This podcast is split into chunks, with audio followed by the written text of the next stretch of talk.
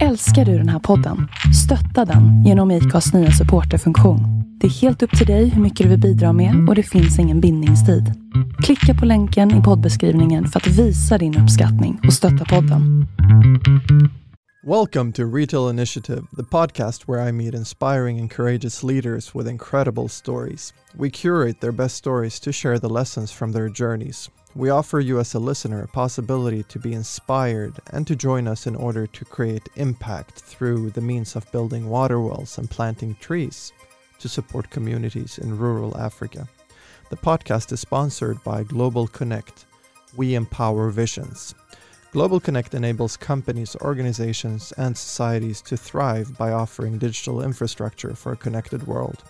Anything from connecting stores to enable an improved customer experience to secure solid and safe internet connection for businesses. Today I'm speaking with Daniel Lund from Lifvs and StoreKey. How are you today, Daniel? I'm doing great, Alex. How are you? I'm very good, thank you. Uh, so let's start with uh, understanding why I find both Lifvs and StoreKey when I Google you. uh, that's a good question. Um, try to um, explain it uh, in a short, sweet answer. Um, StoreKey is a is a tech retail platform, which is powering the the Lift stores, and uh, Lifvs is an autonomous grocery store chain, who was meant in the get go to just be a, a, a use case um, to be able to demonstrate that you can actually run a grocery store on a field, middle of nowhere, and be sustainable as a business by just uh, running it on the StoreKey platform. Uh, so that's how it was designed in the beginning. Um, but given the success of just opening up the first store, Lifvs became one of the largest uh, unmanned grocery store chains in Europe. You know, opened up 32 different stores. Um, so it became its entity by itself almost overnight. And now we are just working with StoreKey technology and the platform to help other retailers uh, leverage what we have built the past, you know, almost four years now. And I know we we spoke uh, earlier today. So you went from being a tech company to a retailer to a franchisor to a tech provider. Now again, I mean, you obviously have a bunch of different offerings within these two companies. For sure, yeah. Um, well, and I think also that's what is our USP today, um, why retailers are contacting us uh, to leverage the the StoreKey platform, because they know that it's uh, been built by a retailer, uh, been built by a person or a company like they, they can identify themselves with. Uh, so there's not just this kind of smoke and mirrors and and and the tech, um, like a lot of nice to haves. It's mostly must haves, uh, and we have an understanding of who they are as a retailer and, and how they can best practice leverage the platform. Because um, it's also important to understand that, you know, there's no one technology that would fit every retailer and not certainly not every consumer.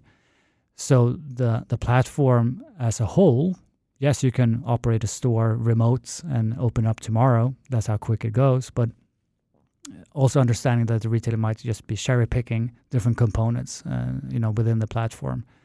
So, so I think that's our strength today uh, of you know really illustrating and demonstrating and can and have the proof that we have a store chain and it's profitable uh, on locations where a traditional store you know wasn't profitable. Uh, so we we keep that close to heart. And uh, you, you told me the argument that you guys actually are cutting down jobs. I mean, in these rural areas where stores have had to close in the past, you're actually creating jobs. For sure. Uh, we're creating a, a new uh, meeting spot locally, uh, a new hub of, of service, uh, where today we have uh, people meeting their neighbors, for, you know, haven't seen them for years, and now they're bumping into each other in the store we have the municipalities where we uh, rent the land, want us to communicate their messages uh, on our screens. We work with other types of services uh, to better uh, kind of the service level locally. So we work perhaps with, uh, you know, e-com lockers uh, for people to pick up their um, whatever they buy online. So it's really amazing to see how this town that perhaps were down on a down spiral because uh, it's really tragic to see when when service close, such as access to food, it really puts a dent in that in, in the uh, locally uh, in the society where you know people have to travel uh, to get access to food and and you don't see that only in Sweden and in the U.S. It's a big big problem with food deserts uh, and food deserts are areas where you actually have closer in vicinity to get access to fast food than you have to buy fresh vegetables in a grocery store. And that by itself impacts that society enormously uh, with public health and, and, and all what that comes with that. Um, so be able to help and reverse that uh, is, is awesome to be part of. I love the fact that it was a go-to-market strategy that made you guys go from a tech company to actually become a retailer. So, I mean, it, so let's talk about uh, the journey that you have done as an entrepreneur. Where did your journey start until where you are today? If you walk us through it uh, uh, briefly. Uh, briefly, um, I founded my first company uh, still in school, um, not knowing anything about the corporate world. Just had an epiphany that I had an idea, and I couldn't live with myself if I didn't act on that idea, and someone else would. would. So I, I started the business young, at the age of 19, and was quite successful. And I, I think perhaps I was so young and naive at that time that I thought that everything is that easy. I will just continue on this path. So, but it also grew something within myself of uh, accomplishment. I, I, think of taking just an idea because a lot of people have ideas and and really go through the lengths of um, and the hard work that comes with it um, to actually launch a product or a service and to see it live in, in the marketplace. That journey uh, grew on me and made me want to stick around in the uh, entrepreneurial spirit. So it has taken me uh, to different verticals, different industries. Um, been starting companies in the U.S. and, and here in Sweden, obviously. Um, yeah, so that's been kind of the path. Um, and if someone asks me like, so so what's your you know what's your um, what type of businesses do you want to start? And there's no red kind of red thread throughout the different types of businesses because they've all been in different industries. Uh, and the only thing I can identify with them is that my core in each product or service um, that I have started has to create uh, a sustainable business um, long term. So it's no quick fixes, no like hype thing that you know sell as much as you can and then out of business next day. Uh, it has to be something that's sustained over a period of time, and to be able to achieve that, I really always take into consideration like how do I create this win-win for both me as a company, but if the if it's a client or a customer or a partner, really try to uh, have that close to heart uh, in everything that goes with establishing uh, and, uh, and setting up a new business. That's interesting. You say, Daniel, you're an entrepreneur, uh, and this is uh, you've done a few journeys by now. What would you say are your three most valuable lessons from these journeys so far? I learn every day. Um, what I've learned is that I, well, if I if I uh, express myself like this, I, I had an interview the other day, and they asked me, "Who are you?" And I said, "I'm a middle-aged guy," and after that, I was like realizing that wow, I'm perhaps senior now, and I don't see myself as a senior. But I've added on so much experience throughout running businesses for over 20 years, and um, what I take with me is prioritizing the time, uh, learning how to say no to things without being a no sayer, right? So you still want to be a yes sayer, but you have to be um, very careful of your time, and learning also as as a person when I do something, how do I make the best out of that uh, hour that I put into the, that specific task? And realizing that I can't be best at everything. Um, so that's a big learning on a personal level.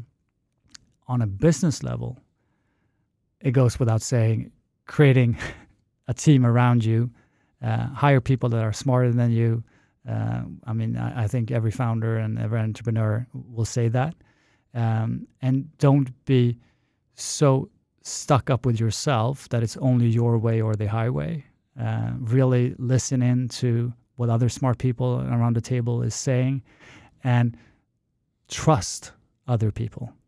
Because uh, I think also in the beginning, if I go back, uh, I micromanaged everything. I, I couldn't sleep. Uh, I couldn't be out of the office. I needed to have eyes on everything. Uh, and if I compare that to today, um, it's just wonderful to see how the product is flourishing, and I didn't even have a say uh, in that process. Um, so there are many things, obviously, but uh, I, I, would say beware of your own time. How can you make the most effort uh, when you put in the hours and create a great team around you? That's very good uh, lessons. Where would you say that uh, StoreKey is today? And I mean, I know that both you as a thought leader, but also you guys as a company are uh, gaining great traction both here in Sweden, but also abroad. Share with us, how does the journey look like right now? The American way of saying that is super, super exciting time.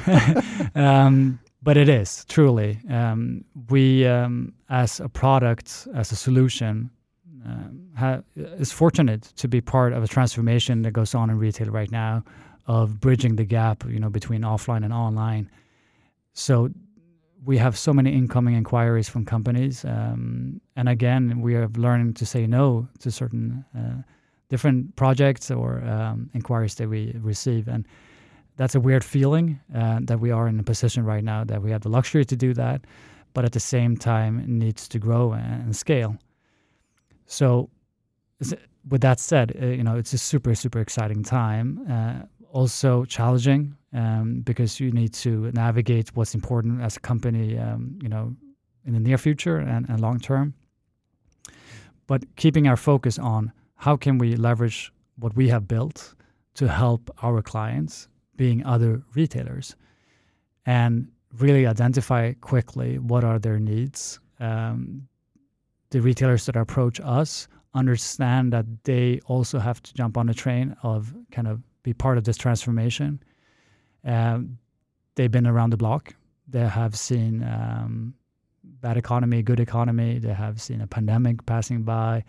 They have a lot of history and knowledge but they also have a lot of legacy when it comes to different technical solutions and different POS systems and what have you.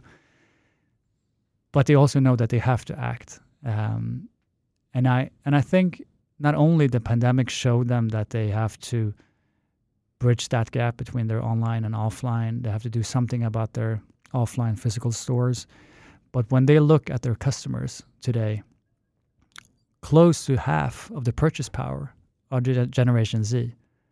And they love to shop in physical stores, but they hate everything that comes with physical stores if there are any fr- uh, friction. Like if they can't find the item in store, if the, or the item is out of stock but it's set online, it's you can find it in the store, or if there's a long cashier line, they don't understand even the the notion of have to stand in line to pay Whereas you and I might say, oh, we just find ourselves that we have to stand in line here to pay. different uh, generation. Yeah, different generation, right? So they have realized that, you know, in a five year period of time, they might be the majority of the purchase power. Uh, so they're going to be a big part of our customer base. And how can we make sure that we keep that kind of customer coming in? Um, so that's really the journey that we're on to right now helping retailers, you know, transforming their physical stores, uh, make them more digitalized, removing friction, understanding that their consumers might want to leverage technology uh, one day. The next day, they might want to chit chat with uh, the person, you know, working on the floor. Um, understanding that the retailer have different challenges um, depending on what type of retail it is, where's the location, and be part of a big trend that goes on right now, which is called the mini me format. So we have seen retail transform uh, throughout the years, um, and retail always always moving right from from High Street down to a shopping mall, down to Low Street. And today, you have big box store chains like Targets and Walmarts. They are now popping up small stores, trying to get closer to the consumer. But they can only do that now if you compare that to the 90s, where the, when they closed the small store, they cannot they can do the, do that now because they are leveraging the data they've been collecting, both from the big box stores but also from the e-commerce. So when they're now pushing a smaller store closer to consumers, they know what to put on shelf. It's based on data. Based on data. Um, so that's a big transformation, and I f- see that there are so many retailers out there that envy that uh, because some of the retailers did embrace the importance of bringing on technology to be able to collect data, and now they are reaping the benefits. Um, so that's my always my last message to every retailer I speak with, like better now than never, mm-hmm. sooner than possible. It doesn't matter how you do it, but you have to start collecting your data. Uh, and then when you have the data, it's a second task how to leverage that data and how to act on it, right?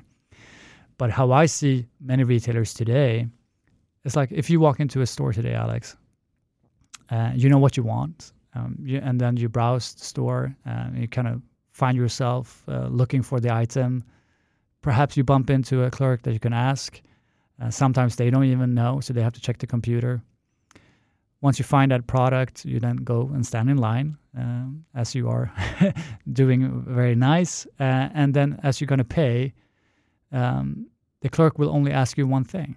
They, they don't small talk with you anymore because they're stressed. There is a line behind you. They don't you know comment your shirt or they don't ask if you found everything you were looking for they only ask you one thing if you're a loyalty member are you a loyalty member that's the only thing they ask and you know why? Because they want to collect the data about you right? So they can identify okay alex made a purchase and alex and compare that with the receipt. The paradox here is that you are doing that as you're exiting the store. So now the retailer collects that data about you. You signed up as a loyalty member, perhaps by your mobile number or email. So now they are hammering you with the communication to try to get you back to the store. They're getting your na- name right, but they're not leveraging the data really quite successful just yet. But so they're hammering you, Alex, come back, come back, we have an offer. And if you choose to come back, the retail doesn't even know that you're in store until you go through the same process again and identify yourself as you're leaving the store. Correct. And so that's really the game changer that we're providing with the StoreKey tech to leveraging the customer's phone throughout the purchase journey. So not only can I assist you with finding the product, so you don't have to waste time looking for it, and once you find a product, you can actually just check out in your phone. So if you have your phone as center in your customer journey in store, you now bridge those two worlds between online and offline because the mobile becomes the online window, but you as a person are present in the physical store and take advantage of all that presence in the physical store has to offer you as try the product and smell and, and feel it. But the retailer now collecting the data throughout the journey. So can assist you throughout that process. Um, so if you act in a certain way, you're perhaps scanning a product, you can now trigger something in the system. And help the consumer. And that sweet spot that you guys are offering that is crucial because I remember when I used to work for a large Swedish uh, grocery retailer, the problem is not the data we can collect in store, even though the, that data is concentrated for the checkout moment. The problem was how do we make the consumer wanting to identify themselves when they enter the store? Yeah. And I guess with the StoreKey or with any kind of solution that actually either require or actually enable with an incentive check in or you know register when you enter that gives complete other types of opportunities correct uh, uh, so i guess and do you see that that kind of let's say identification is increasing in retail where both the opportunities are there by technical solutions like yourself but also the incentive is there for me as a customer to actually identify myself when i enter? Yeah well if you do a poll right now and ask consumers, uh, both here locally in Sweden but also internationally, how they feel about loyalty uh, programs, uh, is a very bad rating, like overall in retail. Uh, and you look at yourself. Uh, do you know how many uh, loyalty programs you're part of? Too many. And do you know why? Like, can you identify from each retailer what you get in return? Barely. It's, it's super hard. But if you then look at other industries like travel, do you know why you're a loyalty member with a certain airline? Yes. It's very crystal clear, right? Because you perhaps collect mileage. In a store, it's very confusing because nobody really knows. Uh, and sometimes it pops in a coupon. You have 5% off. Oh, oh okay. Um, so I think that's more important to for the retailer to communicate around what is their loyalty program. Uh, because just pr- you know sharing data with a retailer if it's not beneficial for you as a customer like why are you even a loyalty member? Um, so you see a trend where you're trying to reverse the loyalty membership becoming more like travel. So if you are a hotel chain loyalty member and you're about to check into a hotel they will greet you and say welcome back alex. Imagine that happen in retail right? You walk in and they say welcome back alex. Today we have a special offer for you based on your data, right? That would be awesome. So be able to do that shift, um, you have to have the consumer on board the technology as well. So in an unmanned store, that goes without saying, you have to have some sort of a gadget to access the store and identify yourself. So you get that onboarding kind of for free. Yeah. In a hybrid store, where you have the option as a consumer to either stand in line or actually leverage a technology like StoreKey to, to buy with your phone, it's the convenience that trumps the whole kind of onboarding process. Uh, and we already have data on showing that once you have shopped with a StoreKey app, you will stick to have that customer journey and that shopping experience because it's so much easier for you you have access to your coupons. Everything is in there. It's not only at checkout. It comes up like any e-commerce good website will recommend you items based on behavior, will let you know if it's part of a bundle offer. Uh, so it becomes so much more convenient, time efficient, and removes all that friction. Um, so p- if there's a hybrid store where you can pick and choose, uh, you, we see data all the every every day now. Increasingly, people going over and using and leveraging their phone. Um, so that's amazing to see. And also, if you look at autonomous stores, you have another company in the US uh, called Amazon, uh, and they, they leverage a different technology where they leverage camera tracking. So that's a cool experience uh, as a customer to walk into a store and just grab something and then just walk out. The negative thing here is that even though you let them track you, um, you're fine with that, but you, there's no line of communication. So Amazon can only track you, but they cannot let you know that that is part of a bundle offer or let you know that uh, you know this campaign is going on on this certain item because they're only tracking you by camera, and it's only based on AI, which also means that it's not 100% accurate.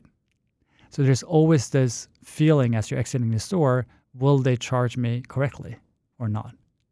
Right. Um, so the technology is not 100% there. It will probably get there, but um, that's a different way of kind of tackling the same uh, issues of removing friction. Uh, so they want to remove friction of having cashierless stores uh, at all. Don't, doesn't there's no need to have a cashier. Uh, to me, the mix is what retail will be in the future. Yeah. Can you mention uh, briefly about the different verticals and the different countries that you're now entering? Absolutely. I mean, for us, um, you know, locally, Sweden is our home market. Um, super excited that we uh, open up uh, our first client store here with uh, the gas chain company OKQ8. Um, awesome customer case uh, in a sense where they already has tra- made that transformation into kind of unmanned gas stations uh, but the majority of those properties used to have a convenience store. Um, I can't answer for the profitability in those stores, but they closed f- for a specific reason. Uh, but now they're able to reestablish uh, these stores again based on the technology of StoreKey. So that's super, super exciting. Uh, we're about to launch uh, a partnership with a florist chain called Interflora, uh, and for a different type of reason. Uh, now we're leveraging the technology to kind of make it easier for the actual florist to operate their store, uh, to manage their time better, because uh, they work what I call like bakery hours. You know, they have to pick up the flowers in the morning and then they work with arrangements all day. By six, they've been working 12 hours. And at six, I, as a customer, want to buy flowers and they're close. So they can leverage the technology to extend open hours. Uh, so that's super exciting. So we're opening up uh, stores with Interflora this fall. Internationally, we have inquiries left and right, um, and really have the challenge to navigate what markets to open. Um, but to mention just a couple. You mentioned you had visits from Japan. Yeah. Which is quite a big thing when it comes to your sector. Absolutely. Uh, Japan is the home of vending machines. And you could actually buy Levi's jeans in a vending machine in the 80s. so so the, the vending machine has been around in Japan for a long time. And autonomous stores and frictionless stores uh, so uh, that they come and visit us in Stockholm and go and visit one of our stores, and um, it's super super exciting. Uh, so looking forward to open up a few stores in, in Japan soon. Uh, we're opening up um, service, cantina service, in hospitals in Ireland. Uh, totally different vertical. Yeah. But that goes to show that everyone pretty much has a smartphone in their hand. So the store, the retailer, makes it possible for them to kind of retrofit an existing store because there is no hardware needed, pretty much, than an electronic lock if you want to go unmanned. If you want to have and leverage of the technology to ease off a lot of friction but still have staff, there's no hardware at all. It becomes just a device that everybody walks around with, and we can onboard that store and open it up on the platform within the same day. But it could be a small store. It could be a big box store. Again, there's no limitations. 10 SKUs, 5,000 SKUs, doesn't matter. Uh, if it's a cantina, doesn't matter. So that is really super exciting to see that just leveraging the phone open up so, a jar of potential of different types of retail. It could be a you know pop up at a concert or a festival. It could be anything really. Um, but the key here is understanding why you're leveraging the platform and what to do with the data you collect. And I think going back to our history of producing a use case that then became a retailer and a retail chain of lift stores is that we have that unique position in the market. If we would have a competitor in the marketplace leveraging kind of a frictionless platform of a retail technology, we're the only one together with Amazon that has actually close to four years of experience of actually running our own retail stores on the platform. And that's a key, I think, for us. Uh, when we sit down with other retailers, we understand their everyday and, and can really share the know-hows and insights that we have. And I, and I think they, they value that so much um, that we're not only a, a tech solution that will focus on uptime. um, that's already a given for us. Yeah, we can add a lot of flavor and layers, just being a, running our own show for four years. That must definitely be an advantage compared to other tech companies. Uh, Daniel, my last question to you. I mean, obviously, being an entrepreneur requires a lot from uh, oneself. Uh, everything from mentioned it previously when we spoke about emotional intelligence, but when it comes to leadership, I mean, you have to be able to lead yourself, to lead others, to lead the company. What leadership uh, qualities do you have, and what do you think is important for a company to thrive? Great question. Um, it's always hard, I, I, believe, to rate yourself, how you are as a leader. Um, and being an entrepreneur, I haven't found myself in a position that often that I have a leader above me. um, so I, I try to uh, lead by example. Obviously, um, I try to um, have the team and have them to be able to flourish uh, and recognize their achievements. uh, and complement what they do, and really be grateful for that they perhaps educating themselves for a specific task and they're putting that effort into our company where they can choose by many other companies to put down their efforts into and and really be grateful for that uh, and make every person be part of what journey we're about to embark on and that we are on uh, and, and, see that long-term vision. Um, so a very flat organization is important to me no micromanaging. Um, so recognizing listening and really be transparent if we have on a higher level, on an executive level, have a task at hand that's challenging, let everyone know. Because so they understand that why am I stressed today? Right? So be transparent. And I think that's really, really important. Uh, so try to lead by example, transparency, and recognize um, your your colleagues and, and team, because if they don't feel good about themselves as a person, how can they do their best in, in, in the workplace? So I, I really try to uh, make our team not only professionally but also in, in a private life um, feel good about themselves. Because um, I think that's when you create that environment that's how you can thrive and flourish as a team. Um, so that's to me important. Human leadership. Absolutely Daniel, it, it sometimes seems like I meet you more often abroad than I do here in Sweden. So I look forward to uh, meeting you soon again. I know you'll be going to Vegas for grocery talks. Yeah. Uh, I wish you all uh, the best there, and uh, we will uh, revisit you later this year. Thank you so much for being on the show. Thanks for having me, Alex. This podcast was sponsored by Global Connect. We empower visions. Global Connect enables companies, organizations, and societies to thrive by offering digital infrastructure for a connected world. Anything from connecting stores to enable an improved customer experience to secure solid and safe internet connection for businesses.